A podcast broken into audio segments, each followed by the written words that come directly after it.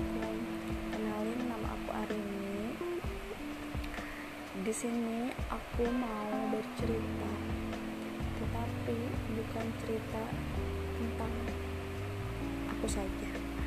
Cerita tentang mereka tentang dia yang punya pengalaman hebat yang punya uh, cerita hebat yang bisa memotivasi, menginspirasi kita semua.